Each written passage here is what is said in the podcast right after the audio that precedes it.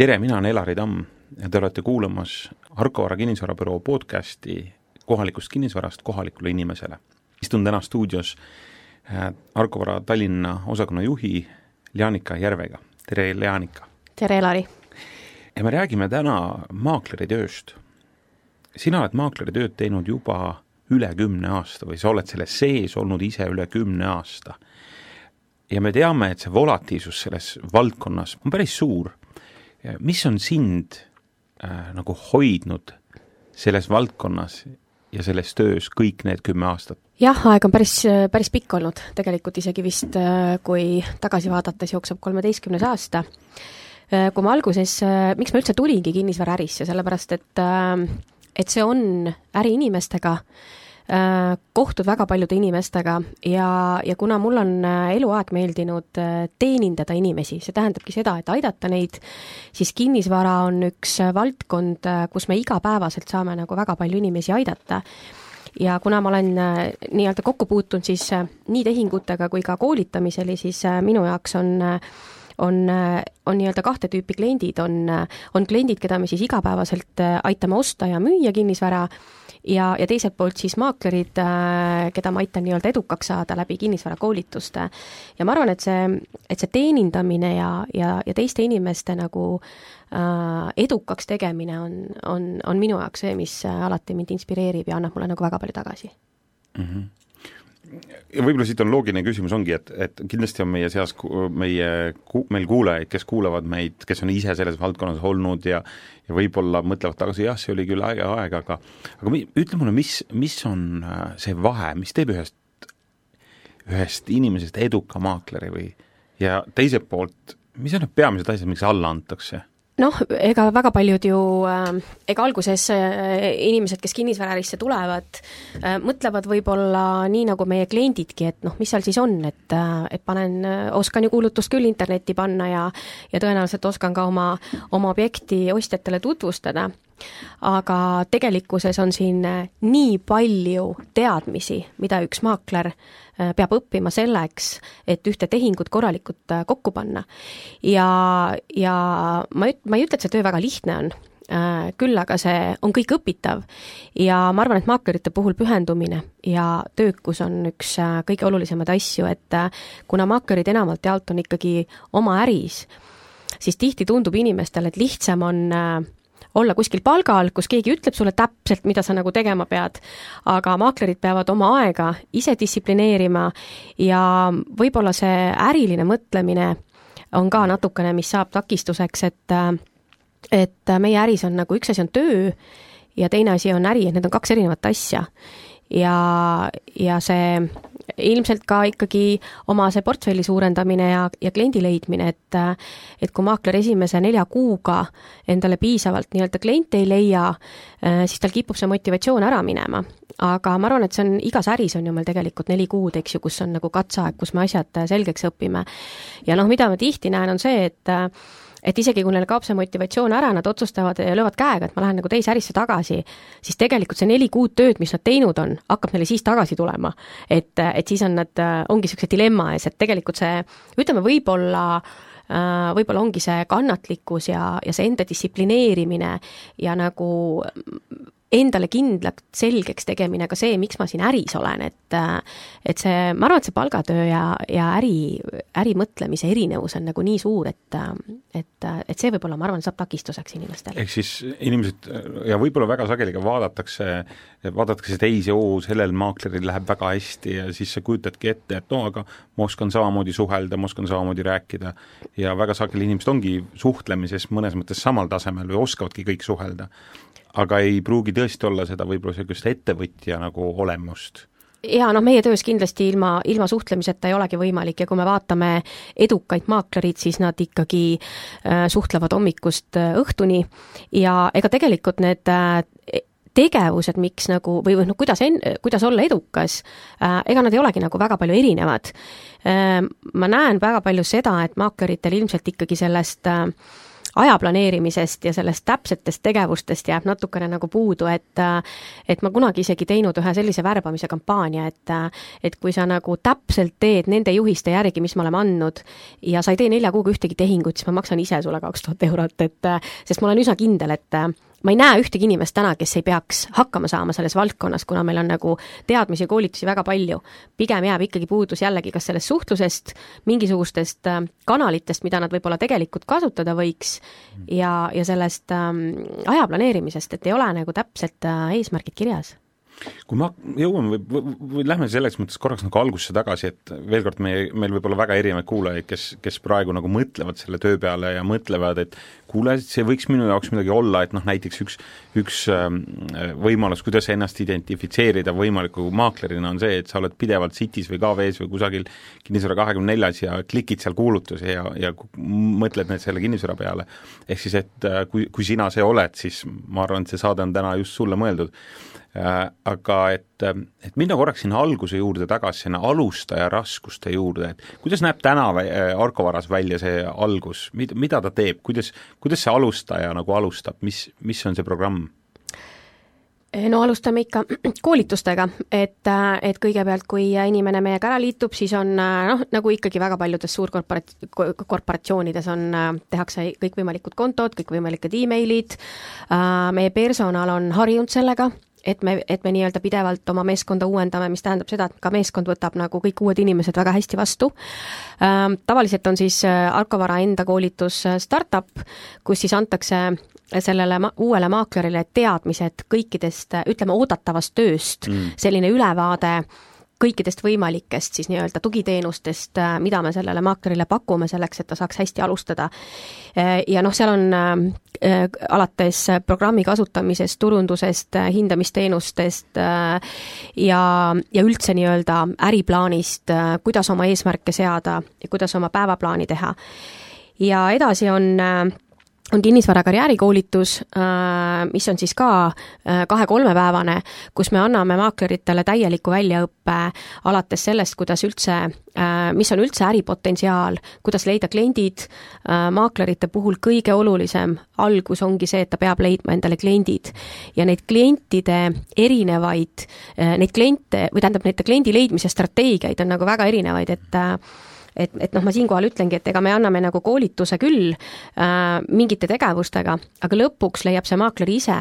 endale need äh, head tegevused, et äh, et äh, mul on praegu endal üks, üks koolitus pooleli äh,, maaklerite seitse edustiili.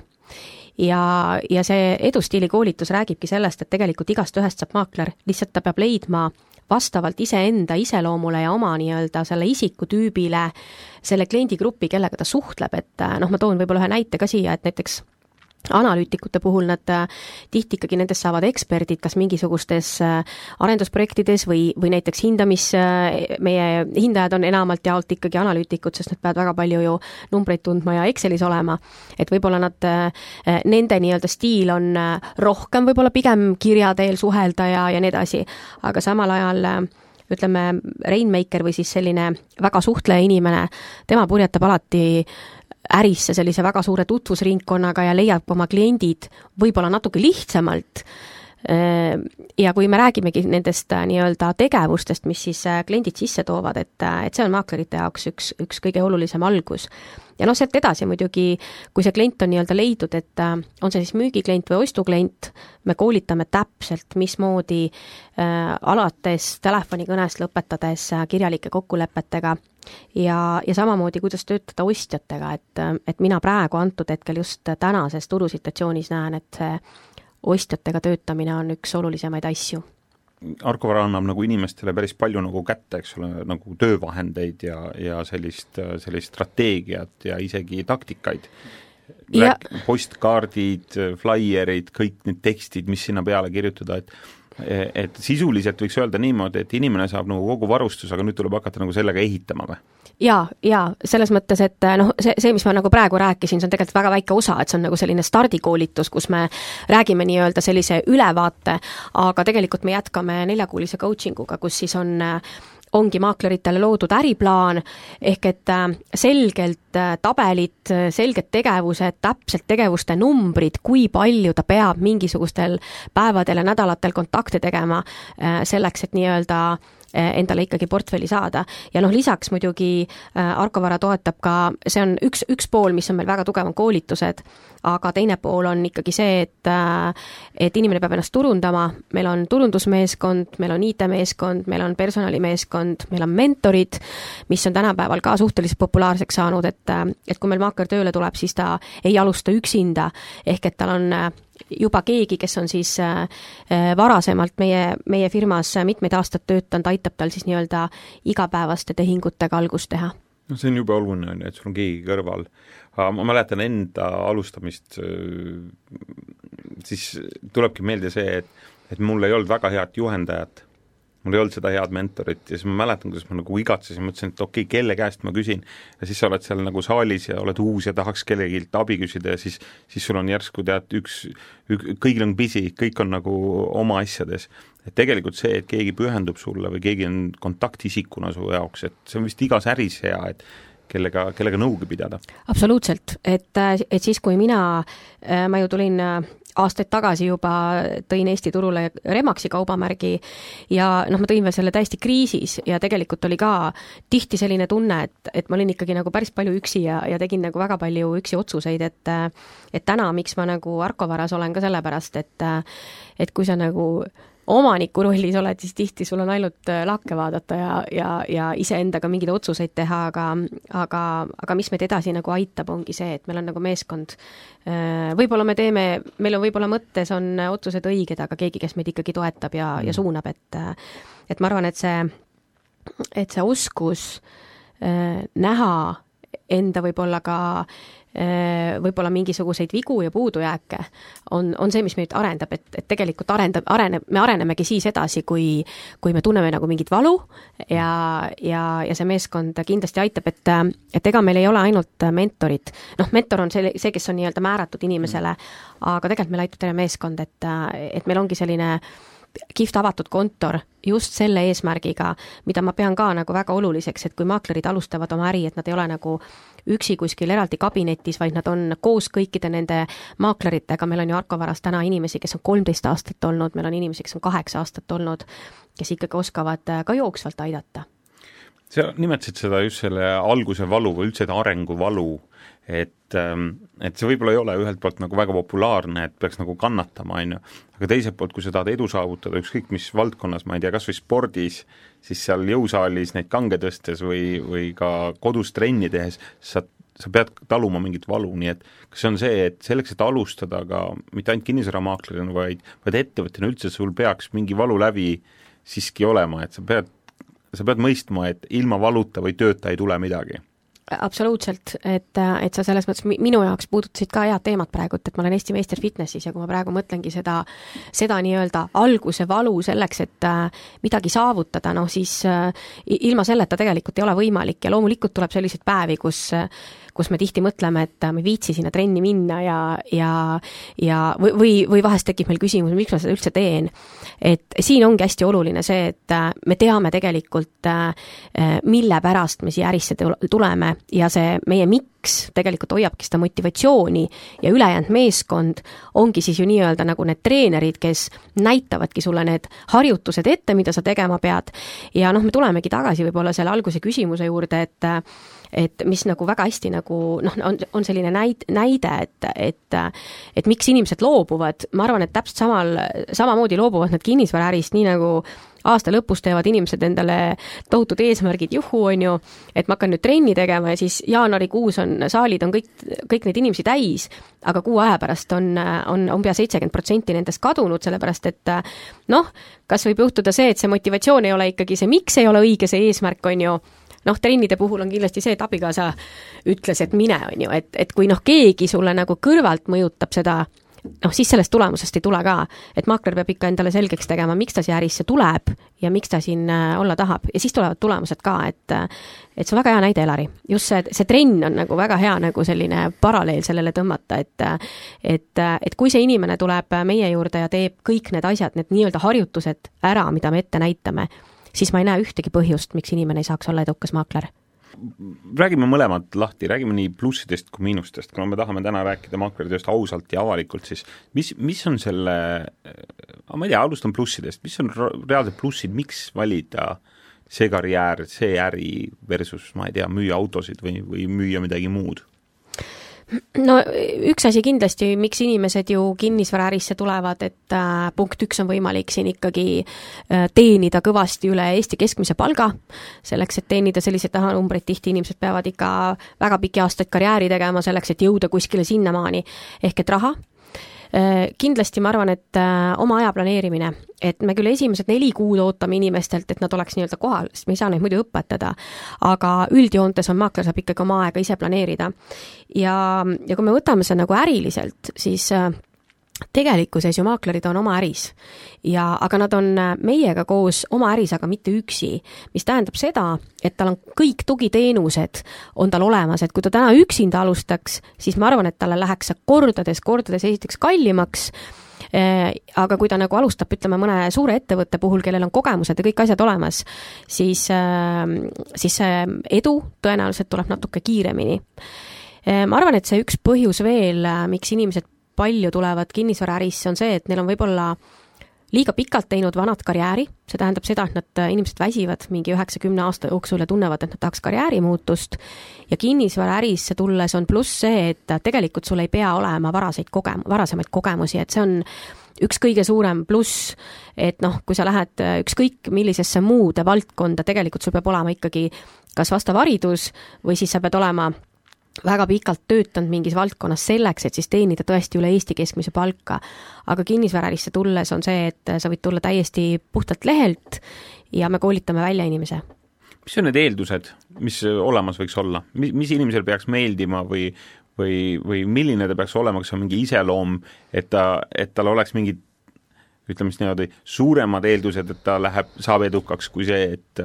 et ei saa ma arvan, et su-, üks suuremaid eeldusi ikkagi on esiteks suhtlemisoskus. ja tal peab ikkagi olema võime ennast distsiplineerida ja pühenduda sellesse töösse, et kaootiliselt seda nagu väga teha ei saa, et see ongi see, et et me võime tööna küll teha mingeid asju, ma ei tea, lapata internetti ja City kahtekümmet nelja, aga see äri sissetoomine peab olema nagu absoluutselt igati nagu paigas. ja ikkagi noh, ma arvan, et see, et, et inimesel peab olema nagu mingi kindel, kindel soov midagi ka nii-öelda saavutada et mingi ähm, eesmärk peab olemas mingi, olema? jaa, mingisugune eesmärk hea oleks, kui nad veel kirjutatud eesmärgid oleks, et, et kui mulle tuleb töövestlusele inimene, kes ütleb, et ta on äh, juba näiteks mingil, mingi, mingis asjas elus eh, saavutanud midagi, ja ma näen, et äh, see tekitab temas kirge mm.. et see kirg on nagu ka oluline, et, äh, et sa lähed nagu milleski põlema. et, et kui sa noh, tuled lihtsalt, ah, ma ei tea, et mõtlesin siin ka mingi asja kõrvalt, tulen, tulen natukene, teen paar tehingut, siis äh, sellistel inimestel see nagu eriti ei õnnestu, et peab olema kindel tahtmine ikkagi sada protsenti pühenduda just sellesse ärisse. ja ma arvan, et see inimese ootused peavad ka olema nagu kõrged, et et, et noh, kui inimene ootab lihtsalt tuhande eurost palka, siis ma kardan, et sellel valul ei ole mõtet. aga kui inimesel on ikkagi tõsine eesmärk äh, teenida viis tuhat, äh, siis on sellel igal juhul mõtet täna üks ähm, ütleme, ühe arendajaga kohtudes ta ütles väga kihvtilt, et et iga inimene peaks enda käest küsima, et, et äh, kaua sa ta-, kui kauaks sa tahad, kui kaua sa tahad seda teha, mis see pühendumise aeg on. sellepärast, et kui sa tahad seda lühiajaliselt teha, siis, siis pigem on igal pool mujal lihtsam. aga kui sa tahad olla pikaajaliselt, siis see valdkond on sellepärast hea, et hakkab sind toitma ise. et see soovitustel põhinev äri toimib tegelikult aastaid ja see tagab sulle sellise sissetuleku, mis, millest sa võib-olla oled siis unistanud. ja no ma arvan, et maaklerite puhul ongi see soovitus on kaheksakümne viiel protsendil juhul, kui sa oled juba nii-öelda äris mingisugune aeg olnud. ja, ja noh, see, kuidas me oma inimesi nii-öelda koolitame, õpetame, ongi tegelikult äh, eesmärgiga, et et võib-olla tegelikult korra räägiks sellest, et et on ju mit-, mitmeid erinevaid maaklerid turul, on tehingupõhised maaklerid ja kliendipõhised maaklerid tehingupõhine maakler on see, kes, kes suhtleb tegelikult ainult ostu-müügisooviga kliendiga. aga kliendipõhine maakler on see, kes tegelikult teeb oma äri, see tähendab seda, et tal võib kliendi baasis olla sadu inimesi, kellega ta mitte kunagi ei ole ostu-müügi faasis, aga nad soovitavad talle aastas üksteist inimest ja see on ka tegelikult üks äripool. et, ähm, et meie täna tegelikult väga palju koolitamegi just seda soovituspõhinevat äri, et et miks ma peaksin tegema tehingud noh, ühtepidi täitsa võõra inimesega, kellele mina võib-olla algul ei meeldi ja kes mulle ka ei meeldi, eks ju, ja siis pean hakkama inimese veel kõige kallimat vara müüma, et see usaldus ja hoolimine on selles äris nagu hästi oluline, et me teeksime nagu tööd nende inimestega, kes meid soovitavad ja kellega meil on nagu meeldiv. Need olid siis plussid uh,. Mis võiksid olla miinused? selles mõttes, et need on, need ei pruugi olla kõigile miinused, aga nad on, ütleme, levinumad uh, takistused äh, teha seda tööd hästi, seda äri hästi ja saavutada, ütleme siis, klientide rahulolu ka? ma arvan, et, äh, et oluline on ikkagi see, või noh, ütleme maaklerite puhul alustamine on, äh, on ikkagi see kliendiportfelli nii-öelda saamine ja saada endale kliendid, et et need tegevused peavad olema väga järjekindlad selleks, et jõuda äh, ühe kliendiga nii-öelda lepinguni, et äh, et kui me praegu vaatame seda, et äh, maaklerite maine, olgem ausad, aastaid ei ole võib-olla olnud väga hea, siis ma ütleks nii, et see praegu pigem tõuseb, et inimesed on hakanud aru saama, et et nad ikkagi tihti vajavad endale professionaali. aga see maakler, kes alustab, esiteks ta ise mõtleb, et issand, ma olen uus, ma olen uus, ma ei tea mitte midagi, ma ei oska mitte midagi. et see võib-olla on alguses äh, nende uute maaklerite puhul takistuseks äh, see enesekindlus, et minna selle nii-öelda kliendi juurde ja saada see leping, et tegelikult on ju ütleme, koostöös Arkovaraga on ka maakleril kõik need väärtused olemas, mida me selle kliendi jaoks pakume selleks, et objekti müüki võtta, aga ta ei oska neid edastada sellele kliendile, et et noh, mina näen just vastupidi, et et kui mul oleks valida täna maakler, kes lihtsalt objekte kogub ja, ja tal on, ma olen mingi kahesaja esimene klient, versus mul on maakler, kellel on küll kaks objekti, aga noh, ta tegeleb nagu sada protsenti ainult minuga, eks ju. et äh, ma arvan, et see, see alguse ebakindlus on, on see, mis, äh, mis võib natuke motivatsiooni maha võtta ja, ja kui esimestel kuudel neid nii-öelda lepingud ei tule, siis see motivatsioon kipub nagu ära vajuma. et äh, ma ei tea, see võib olla natuke inimlik, aga meie siis, äh, no mis meie töö on, eks me proovime seda nii-öelda edasi toetada, on ju. ja mis ma veel näen miinusega, ongi äh, võib-olla natukene maaklerite ootused, et et noh, kui ma koolitustel nagu küsin inimeste käest ka, et mis on teie ootused nagu sellest ärist, ja ma toon tavaliselt sellise näite, et et kui ma nädala aja pärast maksaksin sulle nii-öelda raha, noh, ma ei tea, kolm tuhat eurot, on ju, kas sa tooksid mulle viis lepingut? Ja noh, mõned inimesed, kes ei olegi kunagi võib-olla sellist raha teeninud, ütlevad jaa, loomulikult, on ju. vahest on vaikus. Ja siis ma tõstan seda veel tuhande euro võrra küll, aga et kui ma nagu nelja, nädala aja pärast maksan sulle neli tuhat, et kas sa siis leiad mulle need viis lepingut, siis nad kõik leiavad. Siis on, helistan tuttavatele, panen Facebooki, teen telefonikõnesid, panen flaierid, kõik need, mida me siis nii-öelda turunduseks teeme selleks, et oma kliendid leida ja, ja siis ma olen nagu alati öelnud, et fine, aga et noh, et kui sa mulle viis lepingut teed, et siis tegelikult see on ju oluliselt suurem summa, et miks sa seda nagu igapäevaselt ei tee. ja siin tekibki nagu vahe, et äh, inimesed ei suuda ennast motiveerida mingisuguse nagu tulevikutasu eest, ehk et noh, kinnisvaraäris on ikka nii, et et kui sa täna leiad endale kliendid, siis heal juhul ülejärgmine kuu tavaliselt sa lähed notarisse, ikka tekivad ju näitamised ja ja, ja kõikvõimalikud pangaga nii-öelda finantseerimised ja notariajad, et, et see on võib-olla jah, mina näen nagu ka üks põhjuseid, miks äh, maaklerid ei äh, suuda igapäevaselt motiveeritult keskenduda tulemustele, sest nende ootused kuidagi nagu ei ole see, et ma homme teenin selle cash'i, on ju,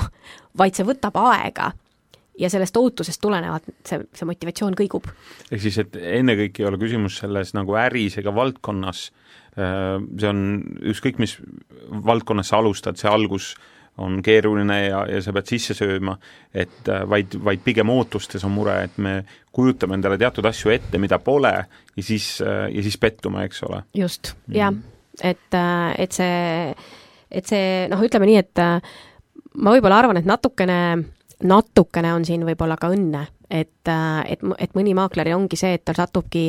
täditütar, onutütar, vana kolleeg, klassivend hakkab, hakkab kohe Mustamäel korterit müüma ja, ja kui need läbirääkimised õnnestuvad nii, et see on ka nii-öelda turuhinnaga, siis võib juhtuda, et et need tehingud tulevad nagu väga ruttu aga jällegi, mis ma näen uute maaklerite puhul, on see, et hirmsasti tahaks endale ju seda portfelli ja siis kiputakse võtma ülehinnatud asju. et väga raske on, noh, nii nagu me alati koolitame ka, et müüja ju müüb alati emotsiooni, aga ostja ostab kinnisvara ja sellest tekivadki kõige suuremad hinnakäärid. ja siis tekib olukord, kus maakler ikkagi tahab endale selle lepingu saada, eks meil on ka omad ootused neile siis nad võtavad ülehinnatud objektid, mida nad müüa ei saa. ja kui nad, kui nad seda ära ei müü, noh siis jälle võib tekkida selline Äh, võib-olla kerge motivatsioonilangus, et pigem ma arvangi, et see, kui ma nüüd kokku võtan oma jutu, kui sa küsid mu käest, et mis need nagu kõige suuremad miinused on, ma arvan, et need on need, ma, ma arvan, et see ongi motivatsioon ja nagu need, need kuidagi need ootused ja, ja see pühendumine, et, et see lihtsalt kõigub, sest see alguse nii-öelda kuidagi võib-olla see tulemus tundub neile nagu liiga kaugel, et see ongi see, et kui ma pakun sulle kohe nädala pärast neli tuhat, siis ma teen kõik, on ju, ma jätan kohvipausid ka vahele aga, aga kui ma pean iseennast distsiplineerima, ega kellelegi aega ei meeldi, noh, me, me, miks meile ei meeldi aja planeerimist, meil tegelikult ei meeldi iseennast kontrollida, on ju. keegi on lahedalt öelnud, et me ülehindame ähm,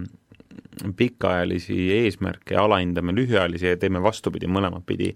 Et äh, tegelikult selleks, et saavutada midagi suurt, selleks tuleb äh, mõista, et on vaja ka lühiajalisi eesmärke ja need tuleb panna vastavusse. kui ma mõtlesin just sellesama maakleri äh, äri peale ja maakleri töö peale, siis äh, kahtlemata on tegemist stressirohke ja, ja sellise, eriti kui ei ole niisugust stabiilsust, nagu oodatakse palgapäevalt palgapäevana, aga see on igas ettevõtluses sees. aga väga sageli on ka see küsimus, et kliendid küsivad, ah, mis te teete? Aga mida see maakler teeb, et väga lihtne on seletada, mida puussepp teeb, eks ole, mi-, mida teeb korvpallur, võtab palli, paneb korvi, ja siis küsitakse, aga mida maakler teeb? No me räägime nüüd siis äh, ehk et sa esindad siis nii-öelda nagu jah, klienti, mida, mida ta teeb, jah. Mm, -hmm. mida, selles mõttes on, on ju selge, et poliitikust saad ka enam-vähem aru, vahest, harva. Aga, aga sa, sa saad aru, kui inimene midagi teeb, kokk teeb süüa, aga mida teeb maakler? No tegelikult selleks, et, äh, et seda objekti edukalt müüa, on äh, väga palju punkte, mida maakler saab teha ja me alustame kõigepealt sellest, et et me teeme korraliku turuanalüüsi sellele kliendile, et, et me teaksime ikkagi te, täna, et me seda objekti nii-öelda müüme, et me müüme seda õige hinnaga, ehk et maaklerid äh, uurivad välja näiteks äh, erinevates piirkondades äh,, kui palju täna korterid müügis on, kui palju eelmisel kuul kortereid müüdi, vaatame järgi, kui palju on nii-öelda sorry, erinevate erinevate piirkondade nii-öelda likviidsusprotsendid, kui palju on näiteks kuude varud, noh, mida müüja, kes ise oma nii-öelda vara müüma hakkab, ei oska ilmselgelt prognoosida seda, missuguse hinnaga ja missuguse ajaga ta selle nii-öelda objekti müüdud saab, mida siis täna maakler kindlasti teha oskab. Ja, ja meie ütleme, väga paljudel noh, juhtudel on maaklereid, kes lihtsalt jalutab käed taskus sisse ja arvab, et see kodu maksab nii palju, siis meie sellist tööd ei tee, et, et me ikkagi teeme kõigepealt korraliku turuanalüüsi, mis on nagu faktidega kaalutletud selleks, et et nii-öelda soovitada siis noh, kui on näiteks Mustamäel on nelisada seitsekümmend seitse kolmetoalist korterit müügis, siis ilmselgelt on vaja täna see kinnisvaraga nii-öelda õigesti hinnastada. siis mis väga oluline on maaklerite puhul, on see, et on pidev tagasiside, ehk et me monito-, me monitoorime nii-öelda seda müügi statistikat, kes käis vaatamas, millal käis vaatamas ja, ja, ja kui palju ka erinevates äh, sotsiaalmeedia kanalites äh, on selle nii-öelda objekti vaadatavust selleks, et, et teada, kas me nii-öelda oleme siis nii-öelda selles õiges müügiprotsessis, siis äh, kindlasti maakleritel oleks vaja teha ka kliendile müügi- ja turundusplaan, mida jällegi nagu väga tihti klient ei oska isegi oodata, sellepärast et äh, ütleme, selline vana tava on ikkagi see jällegi, nagu ma räägin, et astun sisse, käed taskus ja ja müün, aga müügiturundusplaan annab sellele kliendile ka ühtepidi kindluse, et ta teab täpselt, missugusel hetkel mingisugused tegevused tehakse, noh, toon siia näite ka, et et kuna me kasutame profifotosid, siis äh, siis tihti on see, et, et me kirjutame kliendiga lepingu alla, siis ta läheb õhtul City kahtekümmend nelja, vaatab, oi, näe, ei olegi, on ju, ja siis tekib niisugune tunne, et juba miinus, aga tegelikult on see, et fotograaf alles tuleb pildistama ja see võtab mõned päevad aega, et kui me selgitame nagu kogu müügiprotsessi, siis äh, klient teab. ma kord tagasiside kohta ütlen ka veel, et me saadame iga nädal või siis kliendiga erinevad kokkulepped, saadame korraliku raporti, kus on kaasa arvatud tegelikult kliendi nimed, kõik turundus, on see sotsiaalmeedia, pabermeedia, mis iganes, on ju. ja noh, tulemegi siia turunduse juurde mis on ju väga oluline, sest äh, äh, sisuliselt äh, klient palkab endale ju turundusspetsialisti, nii nagu väga paljud firmad, tegelikult ükskõik, mis toode või teenus nad on, palkavad endale turundusspetsialisti. ehk et klient saab meie poolt siis ka endale turundusspetsialisti ja ja, ja maakler siis äh, otsustab ka nii-öelda turundusmeeskonnaga, kuidas oleks võimalik just antud objekti siis kõige parimal viisil turundada. siis maakler ei tegi kõigest lihtsalt pilte ja pane kuulutust üles, vaid see on tegelikult oluliselt komplekssem, see on oluliselt rohkem tegevusi ja, ja ka teadmisi, mida maakler saab rakendada ja ühena sa nimetasid kindlasti ka seda, et et maakler on ka nagu turundusspetsialist, keegi, kes oskab äh, läbi mõelda, millistesse kanalitesse, millise sõnumiga äh, selle objekti kohta infot anda just, ja noh, väga oluliseks peame tänapäeval ka digiturundust. et, ähm, et kuna see sotsiaalmeedia ikkagi toimib päris hästi, siis meil on eraldi selleks digiturundusspetsialist, kes siis aitab maakleritel erinevaid nii-öelda turundusstrateegiaid välja mõelda. Ähm, kui me räägime sellest, et maakler võiks olla nagu turundusspetsialist, siis ühtlasi on ta ka mingil määral ka natukene jurist, ehk et me palkame endale justkui ka nii-öelda teise ameti veel juurde, eks ju, on, ähm, on see äh, maakler siis, kes peab teadma äh, kõikvõimalikest äh, dokumentidest, äh, paberite asjaajamisest, noh, ma siin praegu kohe järgmisest aastast äh, väga oluline punkt on kasutusluba, eks ju, et, et väga paljudel müüjatel võibki olla see, et ta paneb oma vara müüki, aga ta ei teagi, et kasutusluba, kasutusloa puudumise tõttu ta tegelikult seda vara müüa ei saa ja, ja kulutab ise sinna võib-olla juba mingisuguseid ressursse, lõpuks käib seal kakskümmend seitse klienti, aga müüa ei saa, sellepärast et ostjad pangast laenu ei saa. et ka selle finantseerimise puhul äh, maakler saab nagu väga palju ostjatele nõu anda, et äh, et noh, me alustamegi sellest üldse tegelikult, et, äh, et proovime uurida, millised on ostja nii-öelda finantseerimisvõimalused, et kui ta tegelikult seda ei tea, siis üldjuhul me soovitame kliendil alustadagi tegel-, noh, alustadagi nii-öelda kas pangast või siis või siis kas või sellest, et väga paljudel juhtudel ostjad hakkavad vara otsima enne, kui nende vana vara on isegi müüki pandud ja, ja teevad ära ise väga suure töö, eks ju, käivad kümneid korterid vaatamas, lepivad erinevate maakleritega kokku, tegelikult olgem ausad, raiskavad maaklerite aega ja lõpuks tuleb välja, et nad ei saagi seda osta, sellepärast et vana, vana, vana vara on vaja müüa, müüki panna ja noh, enamalt jaolt on sinna vaja siis nii-öelda uue ostu finantseerimiseks oma finantseeringut, on ju. et, et see on ka see, mida maakler ju tegelikult nõustab äh, nii klienti kui, kui ostjat, kuidas selles protsessis õigesti käituda ja noh, loomulikult sinna juurde kuuluvad eh, ka kõikvõimalikud eh, notaritoimingud, maakler aitab kõik tehinguandmed sinna saata, vastab kõikvõimalike notari küsimustele ja aitab pidada ka kõik läbirääkimised selleks, et see notar tuleks et notaris oleks juba kõik hästi, et see on tegelikult põhimõtteliselt lihtsalt allkirjad ja nii-öelda tehingu vormistamine, eks ju. Siis mis ma veel näen, väga oluline maaklerite puhul on, on kliendipäevad ja väga paljudel juhtudel maaklerid ikka kipuvad jooksma selle ostjaga nagu suvalistel aegadel äh, müüa koju, müüjal võib olla kodu sassis, eks ju, just perega tuli, hakkliha on veel panni peal, on ju, ja miks on nagu hästi oluline seda kliendipäeva teha, on sellepärast, et äh, äh, usu või mitte, ma arvan, et mingi viiskümmend protsenti tehingutest jääb ära sellepärast, et ostja tunneb ennast selle müüja juures äärmiselt ebamugavalt, kui müüja on kodus. ja noh, ma toon hea näite siia, et et kui me lähme, maakler läheb oma ostjaga nii-öelda korteri peale ja müüja on seal ilusti kodus, peremees ka pikutab diivani peal, eks ju, pannkoogid on pliidi peal, ostjad tihti tulevad veel peale, peale tööd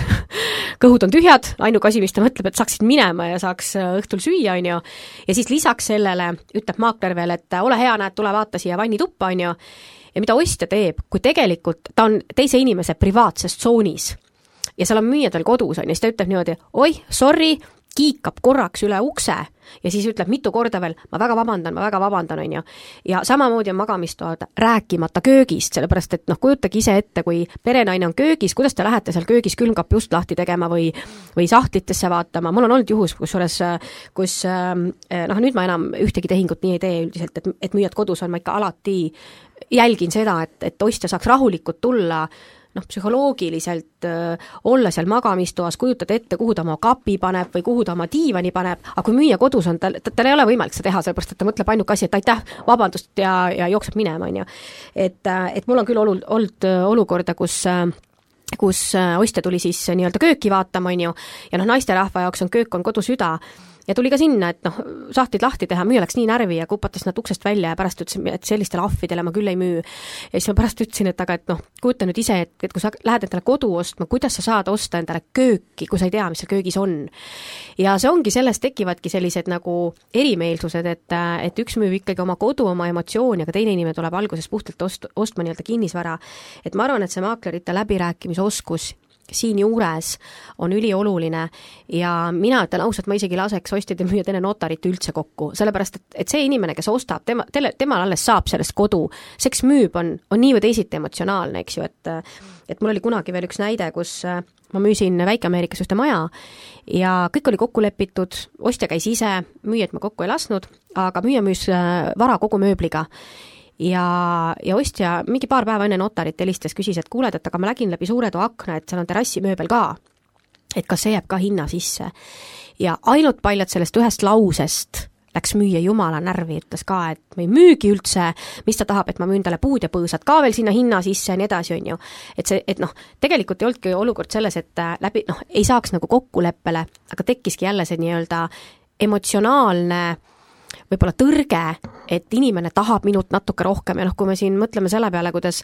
ostja läheb müüja juurde ja, ja, ja teeb võib-olla tegelikkuses õiglase ostupakkumise, aga müüjale tundub see tohutult ebaõiglane, sellepärast et ta müüb emotsiooni ja tekivad jälle kohe ostja ja müüja vahel käärid, et mis mõttes sa pakud minu kinnisvara eest nagu nii vähe, ma ei müügi sulle üldse, on ju. et, ähm, et ma arvan, et äh, üks olulisemaid punkte on ikkagi see maakler ja ja noh, siinkohal ma ka ütlen meie nii-öelda klientidele ja kuulajatele, et ma panen käe südamele seda, et äh, keegi ei pea muretsema selle pärast, et maakler jätaks midagi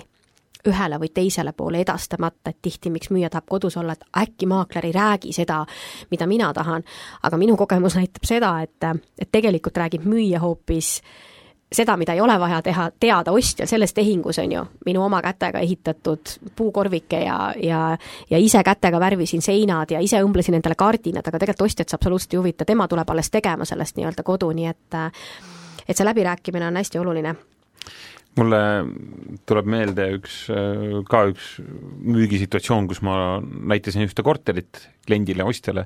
ja siis ostja vaatas seda seina ja ütles, oi kui kole sein mille peale müüja äh, palus äh, meil kõigil lahkuda ja minuga lõpetas lepingu. see oli üks siis tema enda kätega tehtud mingi kunstipärane sein jah, kui keegi, küsimus sai alguse sealt, et äh, mida maakler teeb ja, ja selle peale võikski öelda, et juba viimased kümme minutit tuligi sellest, mis maakler teeb ja ma usun, et äh, kui täna palgata üks hea professionaalne maakler, siis ta teebki täna kliendi jaoks väga palju enamat, kui me oskame nagu küsida. ja kui keegi küsis veel kord, et mida maakler teeb, siis äh, üks inimene selgitas väga hästi, et, et maakler on, kui ostjad on kassid ja müüjad on koerad, siis seal on ette programmeeritud see lahkheli, nagu sa kirjeldasid, ja ta oskab nad tuua ühe laua taha ja oskab äh, siis saavutada neile mõlemale sellised tulemused, mida, mida kumbki pool tahab. nii et see on see, mida maaklerid teevad. Janik, arvestades, et sa oled äh, sadu maaklereid treeninud, õpetanud, näinud nende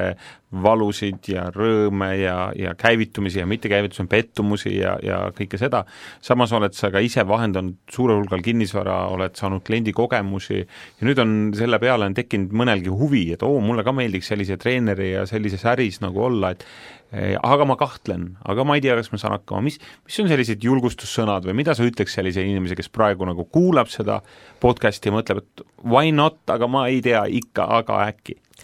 ma arvan, et sellisel juhul on parim, parim võimalus ikkagi Äh, saada minuga kokku ja, ja koos arutada, et tavaliselt äh, ma ei teegi mitte kunagi mingisuguseid selliseid äh, tüüpilisi töövestlusi, kus ma võtan A4 küsimustega, vaid kuna me alustame nii-öelda koos äri, siis tegelikult ongi see, et, et me kohtumisel õpime natuke üksteist tundma, mina räägin ära võib-olla siis ikka kohtumisel natuke täpsemalt, et missugune see igapäevatöö hakkab välja nägema ja kuidas, ja siis, siis saab inimene otsustada, kas see on tema jaoks või mitte, et, et inimene, kes täna mõtleb ja kaalub, siis ma usun, et peale peale minuga kohtumist on tal see noh, nii-öelda kindlasti selgus, et et see on jälle see, et kui me seda sammu ei võta, siis me ei tea. ja äris ongi hästi oluline, on see küsimine, et, et tule küsi, ma vastan sulle ja, ja siis sa saad teada, kas, kas see võiks olla sinu jaoks ja, ja kas me võiks teha koostööd. mõni aasta tagasi mäletan ühe oma blogipostituse peale andis üks inimene tagasisidet ja siis blogipostituse põhisõnum oli Siig Siglari lauses, et et sa ei pea olema suurepärane, et alustada, sa pead äh, alustama, et saada suurepäraseks. Ja, ja ma panin selle postituse lihtsalt sinna alla. Ja ma mäletan, siis ta kirjutas, et hei, ma alustasin nüüd oma äh, lilleäriga tänu sellele postitusele. Ja mi-, miks ta julges alustada või miks ta nagu tegi selle sammu, oligi sellepärast, et me vahest arvame, et see barjäär alustada millegi on nagu palju kõrgem. nagu sa ennem nimetasid, seesama, et, et mul peab olema suur töökogemus ja mul peab olema, ma ei tea, milline haridus ja nii edasi